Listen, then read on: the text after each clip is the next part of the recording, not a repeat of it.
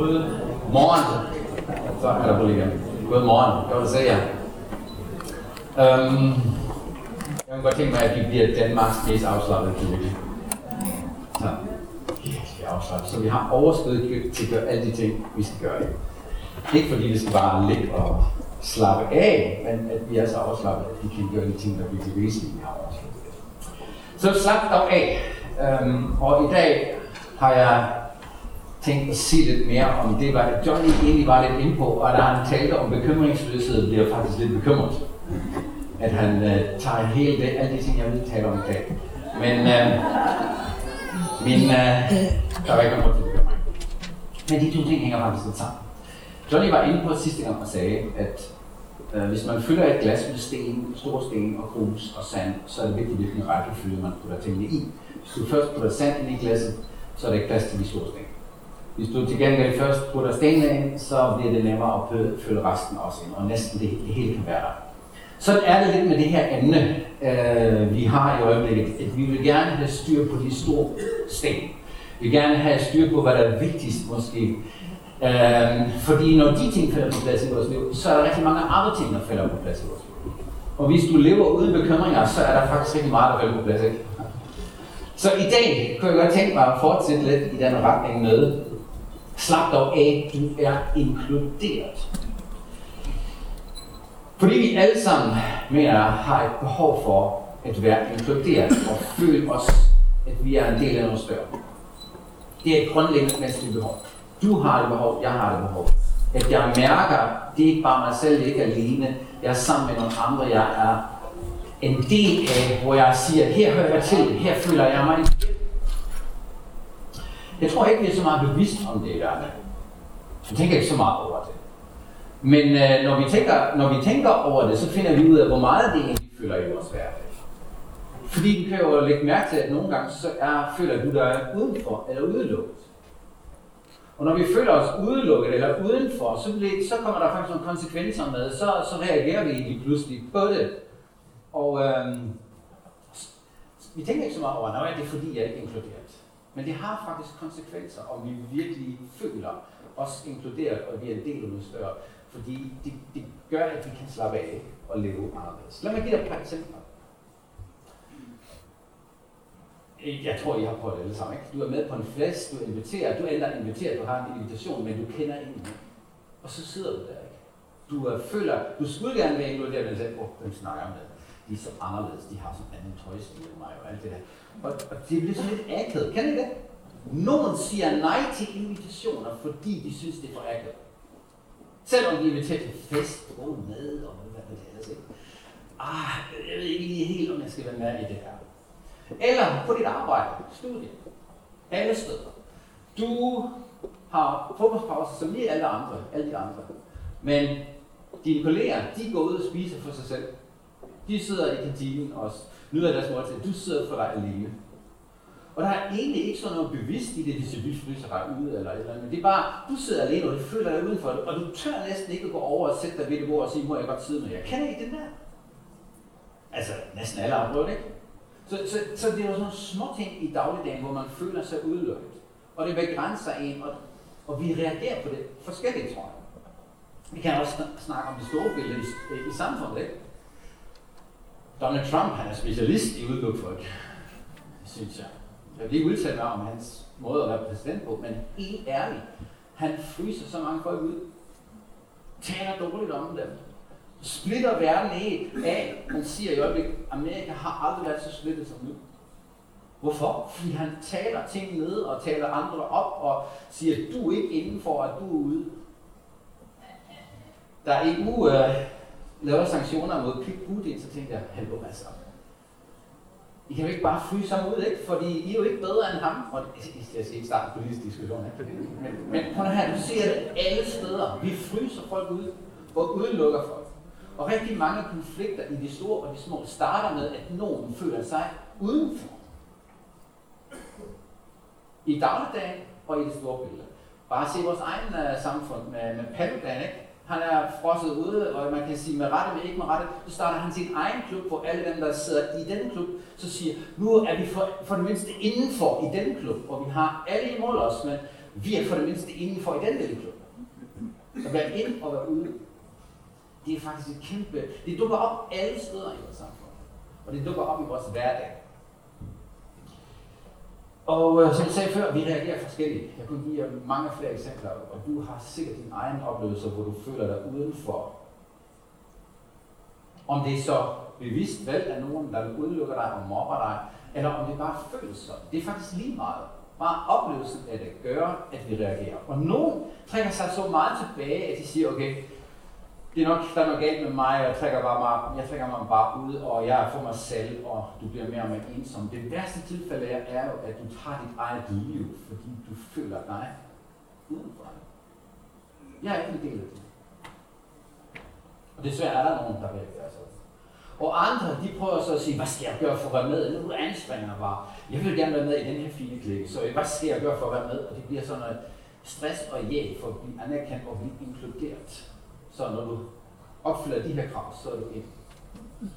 Så skulle man jo mene, det skulle man jo mene, at det findes ikke i kirken. Ikke? Der er alle inkluderet på papiret, men ikke i virkeligheden. For selv i kirken er der nogen, der føler sig udenfor. Og nogen giver andre følelsen, at de er udenfor.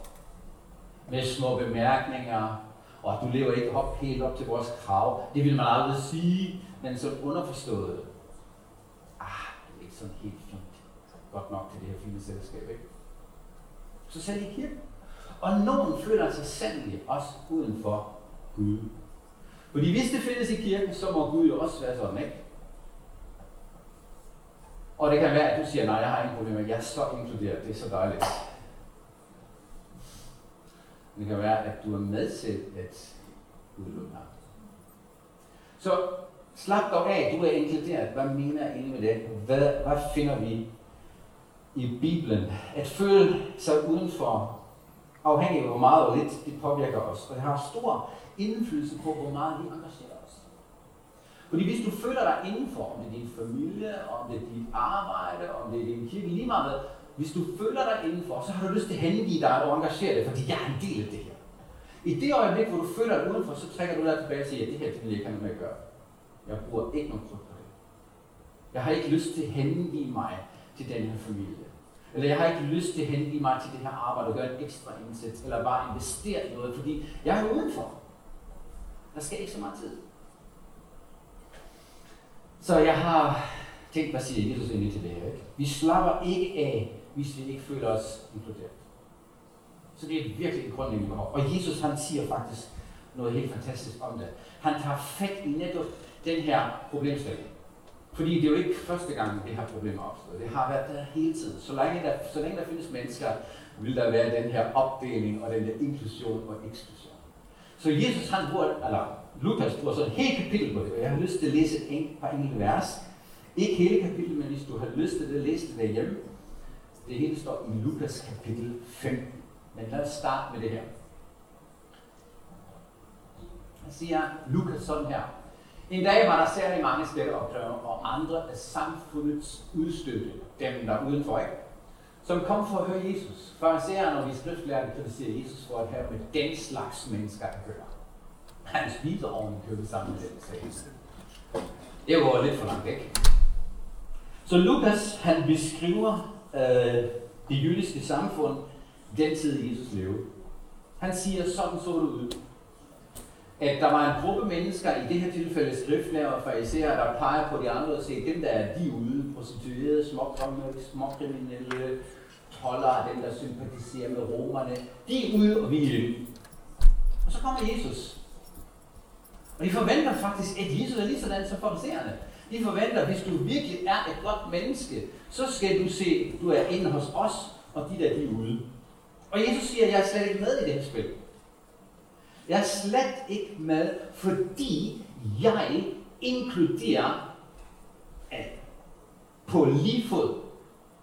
Det er fuldstændig forfejlet tankegang at tænke, at Jesus er kommet for at gøre de der prostituerede og skatteopkrævere og småkriminelle til nogle fariserer. Fordi fariserne er lidt bedre. Det tænker vi nogle gange. Hey, hey, I skal holde op med det der. Så kommer I herind, og så er I inkluderet. Det er fejl.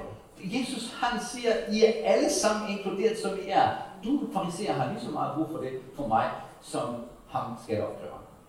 Han inkluderer alle. Han udfordrer helt vildt fariserernes tankegang med det, hvad han kommer til at sige lige om lidt. Og det var jo helt nyt i det jødiske samfund, at Gud vil komme så tæt på, det kunne slet ikke begribe det. At Gud er interesseret i at sidde og spise sammen med en synder. Fordi de var vant til, at Gud er så hellig, og hvis du vil møde ham, så skal du et bestemt sted hen, og så skal du bringe offerdyr, og når du har bragt det der offerdyr, så er du, hvis du er rigtig heldig, så, så møder du Gud, men det er, det er jo en farlig foretagende. Det kan være, hvis du gør en fejl, så koster det dig livet. Og så lige pludselig kommer Jesus, som, når man taler om inkarnation, at han er Gud, han, han er virkelig Gud, og siger, jeg vil så gerne være sammen med de her mennesker, ikke? Det var en helt ny tankegang. Det er forståeligt, at farisæerne flipper det ud. Fordi Jesus siger, jeg elsker at være sammen med de der skatteopkrævere og de der samfundsudstøtte. Fordi han kalder den ikke engang samfundsudstøtte.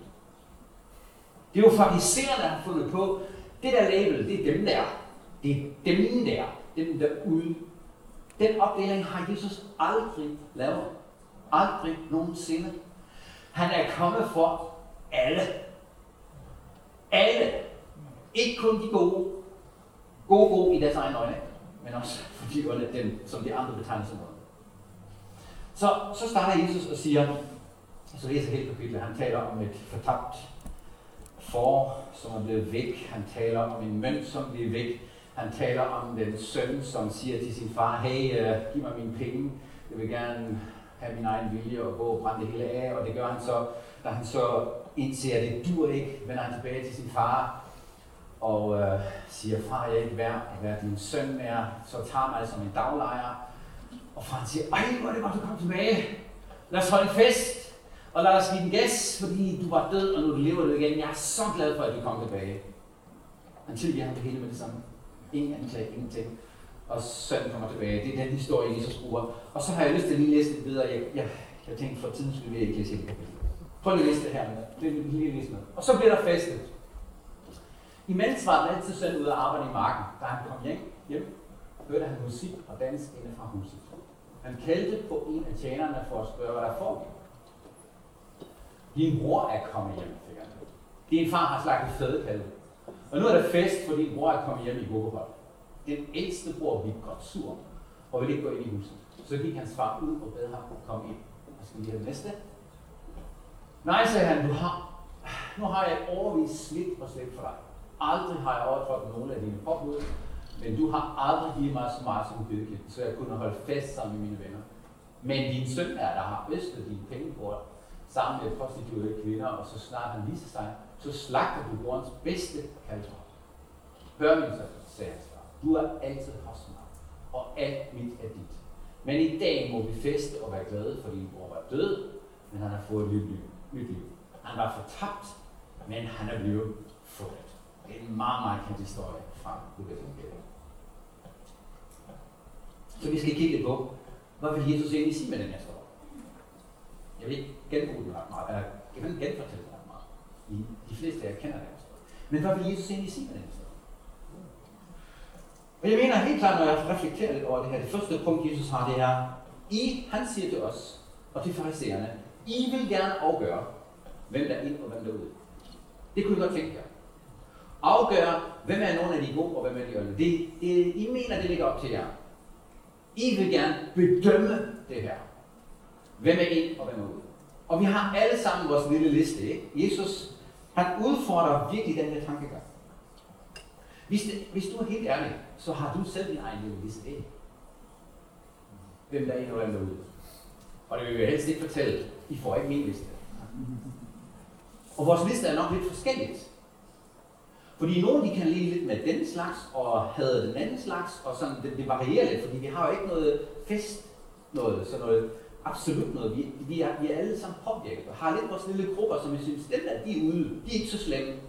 Eller, de, de, de er værre, og de er ikke så slemme, og de er gode, og de er onde. Hvis du er ærlig, så har du sådan en liste, tror jeg. Eller har haft det for sted. Og hvis du er kommet så langt, at du siger, sådan en liste har jeg ikke længere. Alle er inkluderet i mit liv. Så kan det være, at du alligevel har sådan en lille liste, hvor du siger, hvis du vil være helt i toppen, så skal du opfylde de krav. Så passer det ikke.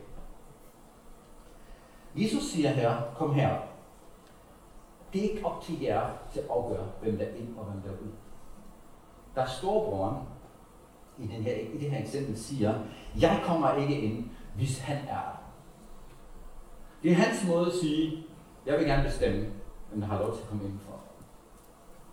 Så for det første vil jeg gerne bestemme, hvornår festen skal holdes, og hvem der er med til festen. Og han skal i hvert fald ikke være grunden til festen, ikke? Ham der. Det kan være i dag, der siger du, jamen det, det, de homoseksuelle, de må ikke være med, ikke? Eller dem, der ryger, de må ikke med. Det er usundt. Det er nok rigtigt. Eller dem, der bor sammen uden at være gift, det, det, det er dem, der er sådan lidt udenfor. De har ikke forstået det hele endnu. Eller dem, der ikke giver deres penge til kirke, eller dem, der bagtaler, eller dem, der er sådan fariseragtige, de religiøse, de må ikke være med som rigtigt. De skal først lige lave lidt om. Jamen, Jørgen, siger Paulus ikke at udrydde ånde fra jeres midte? Skal vi ikke udelukke det? Ja, det er fuldstændig rigtigt. Du skal udrydde det ånde, men ikke den ånde i din ånd. Din bror er stadigvæk din bror, og din søster er stadigvæk din søster, selvom det laver nogle fejl, ikke? Så tag fat i sagen, men ikke i personen, ikke? Du har ret. Men øh, Jesu første point i det her, det er, jeg er kommet for alle. Alle er inkluderet. Og så siger Jesus, fordi I selv udelukker folk, så tænker I, at jeg også udelukker folk. Fordi broren, storbroren, som Jesus bruger som eksempel, han har anklaget jo faderen. Han siger, du har aldrig givet mig en fest som ham. Så lige pludselig bliver det ikke engang vendt mod den næste, som han synes, han skal ikke være med. Men nu bliver det også vendt mod Gud. Du har et problem med Gud. Eller fra, du har et problem. Fordi du gør det her for ham, og du gør det ikke for mig. Så hallo, du har et problem. Gud. Det interessante i det her, det er, at Jesus, han udelukkede ikke engang ham. Hvis jeg var farlig, altså, så havde jeg sagt, prøv nu kan du altså være blive udenfor. Ikke? Nu skal du lige hisse, lidt, hisse dig lidt ned. Men se, hvad vi lige har læst. Sønnen bliver sur og siger, du må ikke komme ind. Og faren går ud til ham og siger, kom nu indenfor. Jeg elsker den sæt. Kom nu indenfor.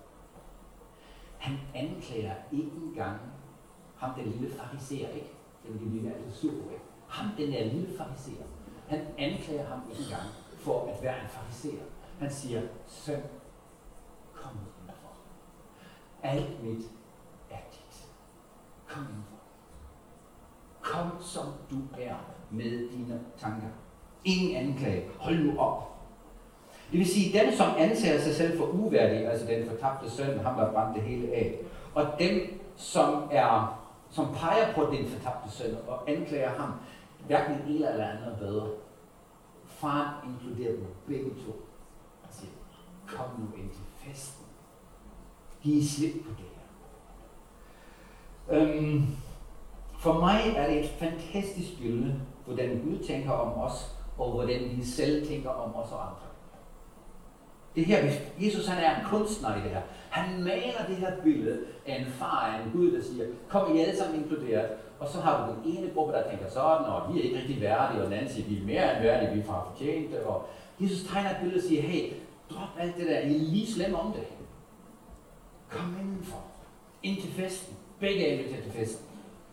Hvad vil Jesus opnå med den her historie? Husk, udgangspunktet var, at nogen brokkede sig over, at Jesus han inkluderer alle. De brokkede sig over det. Og hvordan kan du have så tæt fællesskab med de her mennesker? Og Jesus, han har et helt klart svar. Det her Lukas evangelium, som vi lige har læst, det er skrevet i 50, 50 til 56 efter Kristus, det vil sige, det er skrevet til den første kirke. Det er ikke skrevet til folk, nu skal du give dit liv til Jesus. Jeg ved godt, den her historie, den er altid brugt, ah, du er fortabt, og nu skal du give dit liv til Jesus, og fint og alt godt. Ingen problem med det. Men den her historie er skrevet til en kirke 20 år efter Jesus rejste derfra. Så der er et budskab i, i, i, i den her historie. Budskabet er til kirken at sige, jeg udfordrer jeres tankegang, hvordan I tænker om mig, og hvordan I tænker om jer selv, og hvordan I tænker om jer andre. Jeg udfordrer jeres tankegang. Jeg anklager ikke jeres tankegang. Det er jo fantastisk ved Jesus, ikke? Han tegner sig et billede, og så lige pludselig finder du dig selv i historien, og tænker, uh, det der, det er mig. Øhm, jeg tænker, vi kan genkende lidt os selv og få et glimt af Guds kærlighed. Og jeg tror, at Jesus han lokker os ind i fællesskabet. Han, han siger, kom nu indenfor. Ind til festen. Alt, hvad er mit, det er dit. Del det med hinanden. Og når du først modtager det, så får du også lyst til at dele det med de andre. Um, Lukas var sammen med Paulus. Og Paulus han bruger en lidt anden omskrivelse af den samme sandhed. Jeg har lyst til at læse det øh, til jer fra Galaterne 4. Kommer her. Paulus siger sådan her, vi levede som slaver af religiøse regler og denne verdens tankegang. Og her, det er lige præcis det her. Fariseren, den ældste, storebroren, lillebroren, de levede efter denne verdens tankegang. Sådan er det normalt at tænke i vores verden. Det er normalt. Det er denne verdens tankegang. Og så siger Paulus, men der er den tid kom, den Gud forud havde fastsat, sendte han sin søn her til jorden, født af en kvinde. Kristus gik ind under tårens herdommer for at kunne løsgøbe os fra at være slaver af den og give os de fulde rettigheder, som Gud sender dem. Der I nu er blevet Guds børn, har Gud givet sin egen søns ånd, og det er den ånd, som gør, at vi kan kalde Gud vores far. Altså er I ikke længere slaver, men børn af Gud. Men når I børn, er også retmæssige arvinger til alt, hvad Gud har til sine børn. Paulus siger, du er en søn, og du er en datter. Det er din identitet. Slap dog af, du er inkluderet. Slap helt af, du er inkluderet. Du er søn og datter. Sådan ser Gud dig. Det er det, han har gjort for dig. Men han konfronterer hele tiden vores gamle tanker. Det her det er også skrevet til en kirke. Og det er jo ikke sådan, at den dag, du siger ja til Jesus, så fra siger det bare klik. Og så lever du simpelthen bare som søn eller datter. Du slæber selv i dine gamle tanker med ind i det nye liv. Og du bliver stadigvæk påvirket. Så det er, det er jo vores, som kristne, er det vores udfordring hver eneste dag. Hvordan lever jeg med mine egne tanker om mig selv og andre, og mine bedømmelser af hele den her verden, og i forhold til Gud, hvordan han egentlig ser på ting. Lad mig gøre det mere klart. Så du, tager, du antager måske, Gud kan ikke leve med, at jeg tænker sådan. Vi er alle sammen enige, ikke? Det er jo forkert. Er, er vi enige? Det er jo forkert at bedømme andre, ikke? Er vi enige? Ah, så skal vi lave en afstemning?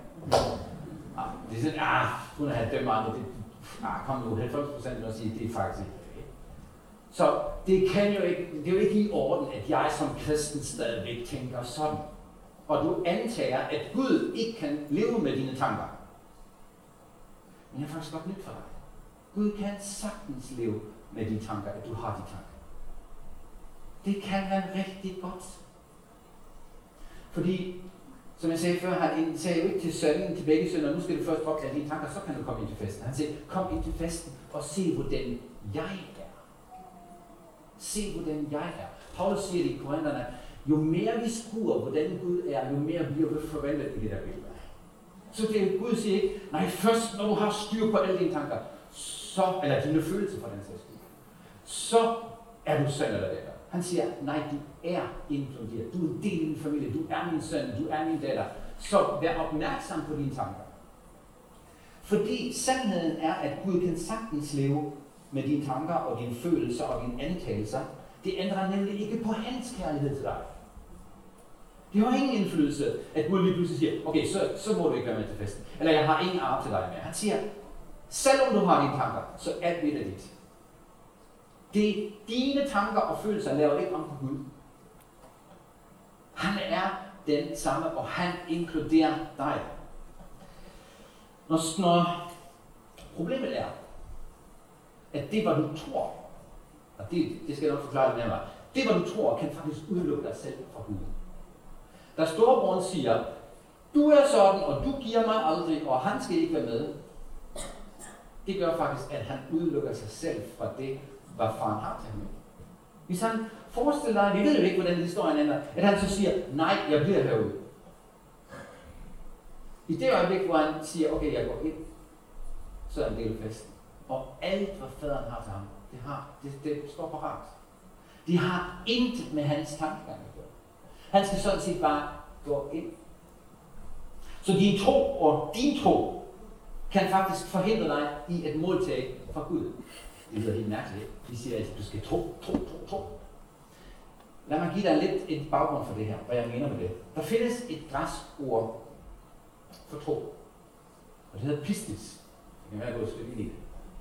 Det her ord pistis, det betyder ikke kun at tro. Det har flere betydninger. Det betyder sandelig at tro, tro, hvad du tror på, en overbevisning om det er den her, øh, den her filosofi, eller den tro, jeg har. Jeg er overbevist om det her. Men det er mere end det. Det, er også, det betyder også at stole på. Og trofasthed. At være trofast. At have en karakter, som man kan stole på. Så det vil sige, du kan tro på noget forkert, og alligevel stole på Gud. Fordi det er to ting. Det, lad mig forklare, hvad jeg mener. Det virker lidt kompliceret, ikke? Men det er det faktisk ikke. I det øjeblik, hvor sønnen siger, jeg tror på, at du er sådan og sådan far. Men han lægger de tanker til side, selvom han har, og vælger at stole på faren, så går han ind til faren med de tanker, men han oplever det, hvad faren har til ham. Der er en forskel at have den rette tro. Du tror på det, og det og det.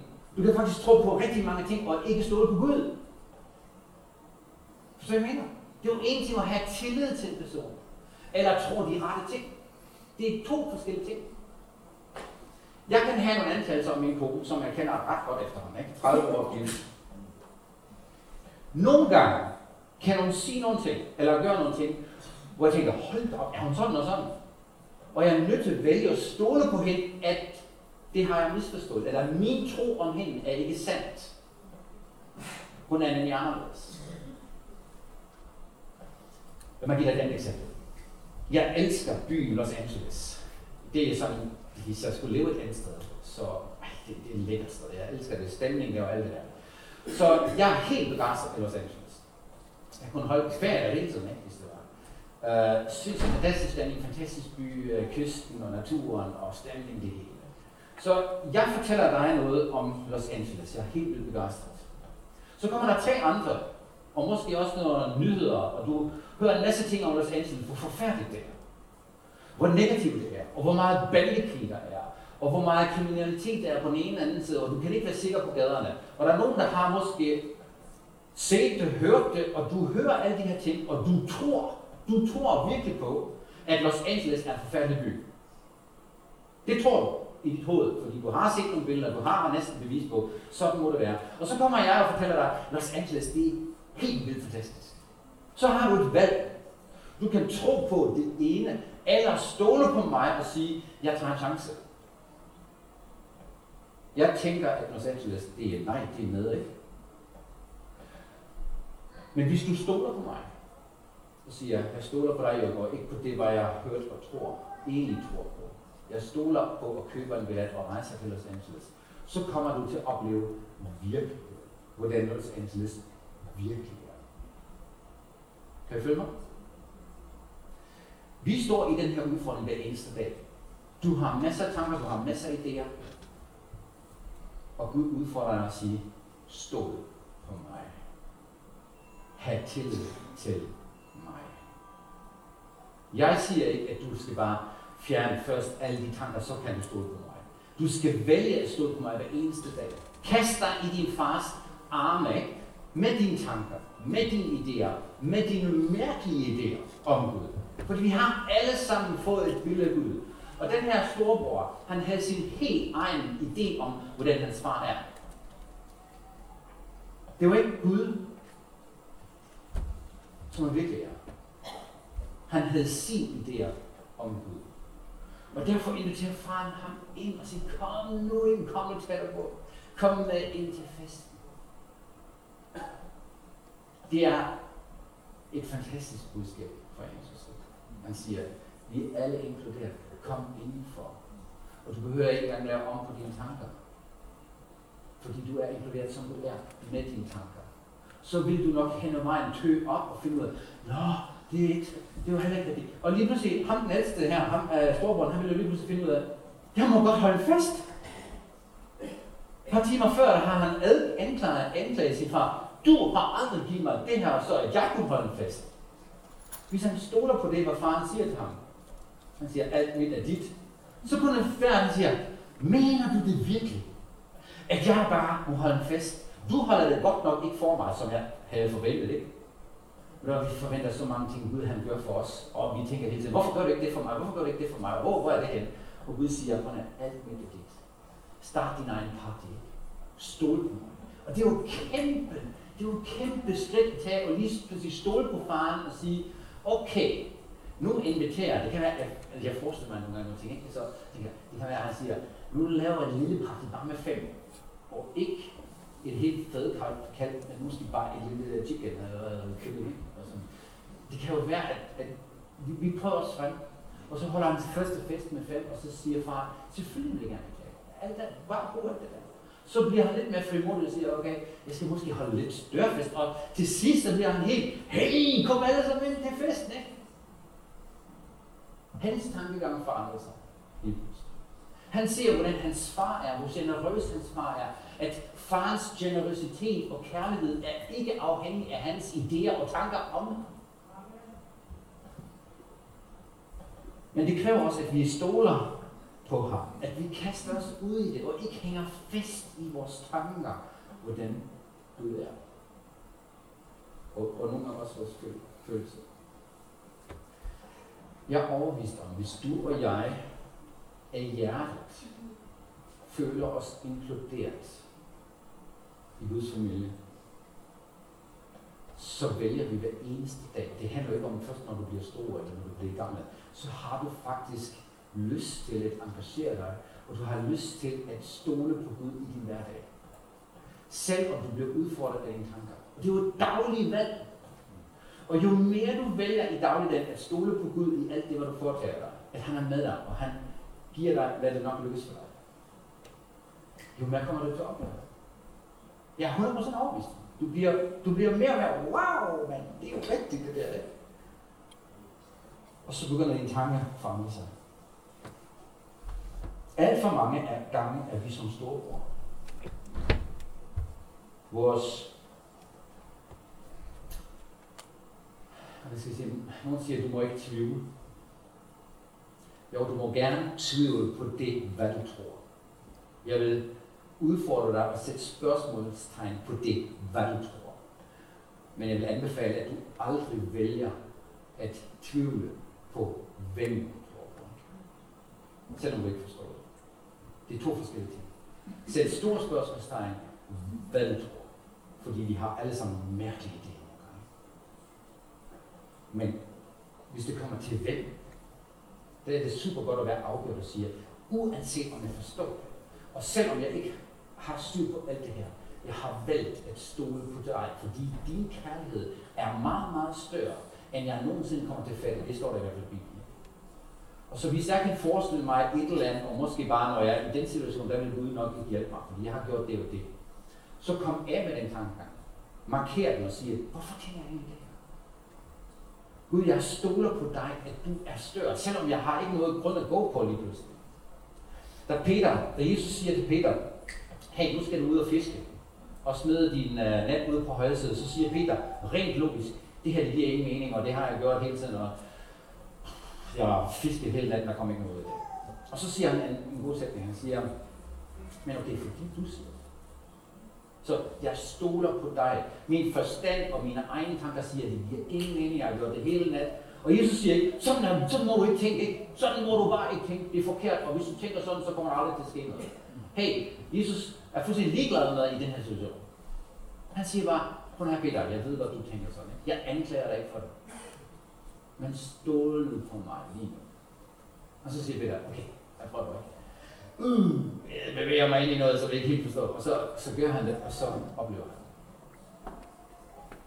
Sæt spørgsmålstegn på, hvad du tror. Hvis du er i tvivl, så vil jeg faktisk sige, at Gud har en udfordring i tankegang. Tvivl behøver ikke være noget rigtig dårligt, så længe det handler om, hvad du tror. Fedt, du bliver udfordret. Sandheden kommer nok til at tale for sig selv. Og hvis du virkelig søger sandheden, så skal du nok finde ud af det, om det er sandt eller ej. Men vælg at stole på ham. Min budskab til dig her, det er, slap af. Slap af, du er inkluderet. Jeg vil gerne bede, at lovsangen kommer op. Slap, et, slap af. Du er inkluderet, og fordi du er inkluderet, så kan du inkludere andre. Når du føler dig inkluderet, så bliver det nemmere for dig at inkludere andre. Tænk, at Jesus siger, at vi skal elske vores fjender. Og når Jesus beder os om at elske vores fjender, så er det ikke sådan noget, nu skal du anstrenge dig og være lidt god med dine fjender. Jesus har altid, altid elsket sine fjender. Han har inkluderet sine fjender. Det er jo fuldstændig vildt, ikke? Han har inkluderet sine fjender. Selv dem, der afviste ham, sagde nej til ham. Den elskede. At de så selv udelukker sig, det er en helt anden sag. Men lad os blive sådan en kirke, der hviler i, at vi er fuldstændig inkluderet, og Jesus har inkluderet alle. Tænk, hvilken fest det bliver. Tænk, hvilken fest det er. Den pakke, som Gud smider for vores vegne. At alle er inkluderet. Du kan være, du kan sænke, du kan være der selv, du kan sænke skuldrene og sige, her er jeg hjemme, som jeg er. Det er fantastisk. Det er det klima, Gud ønsker at skabe i sin familie. Det er den stemning, han ønsker. Så det starter med, at du og jeg bare siger, tak, at du har inkluderet mig. Jeg vil gerne leve det hver eneste. Skal vi ikke synge den her fantastiske sang?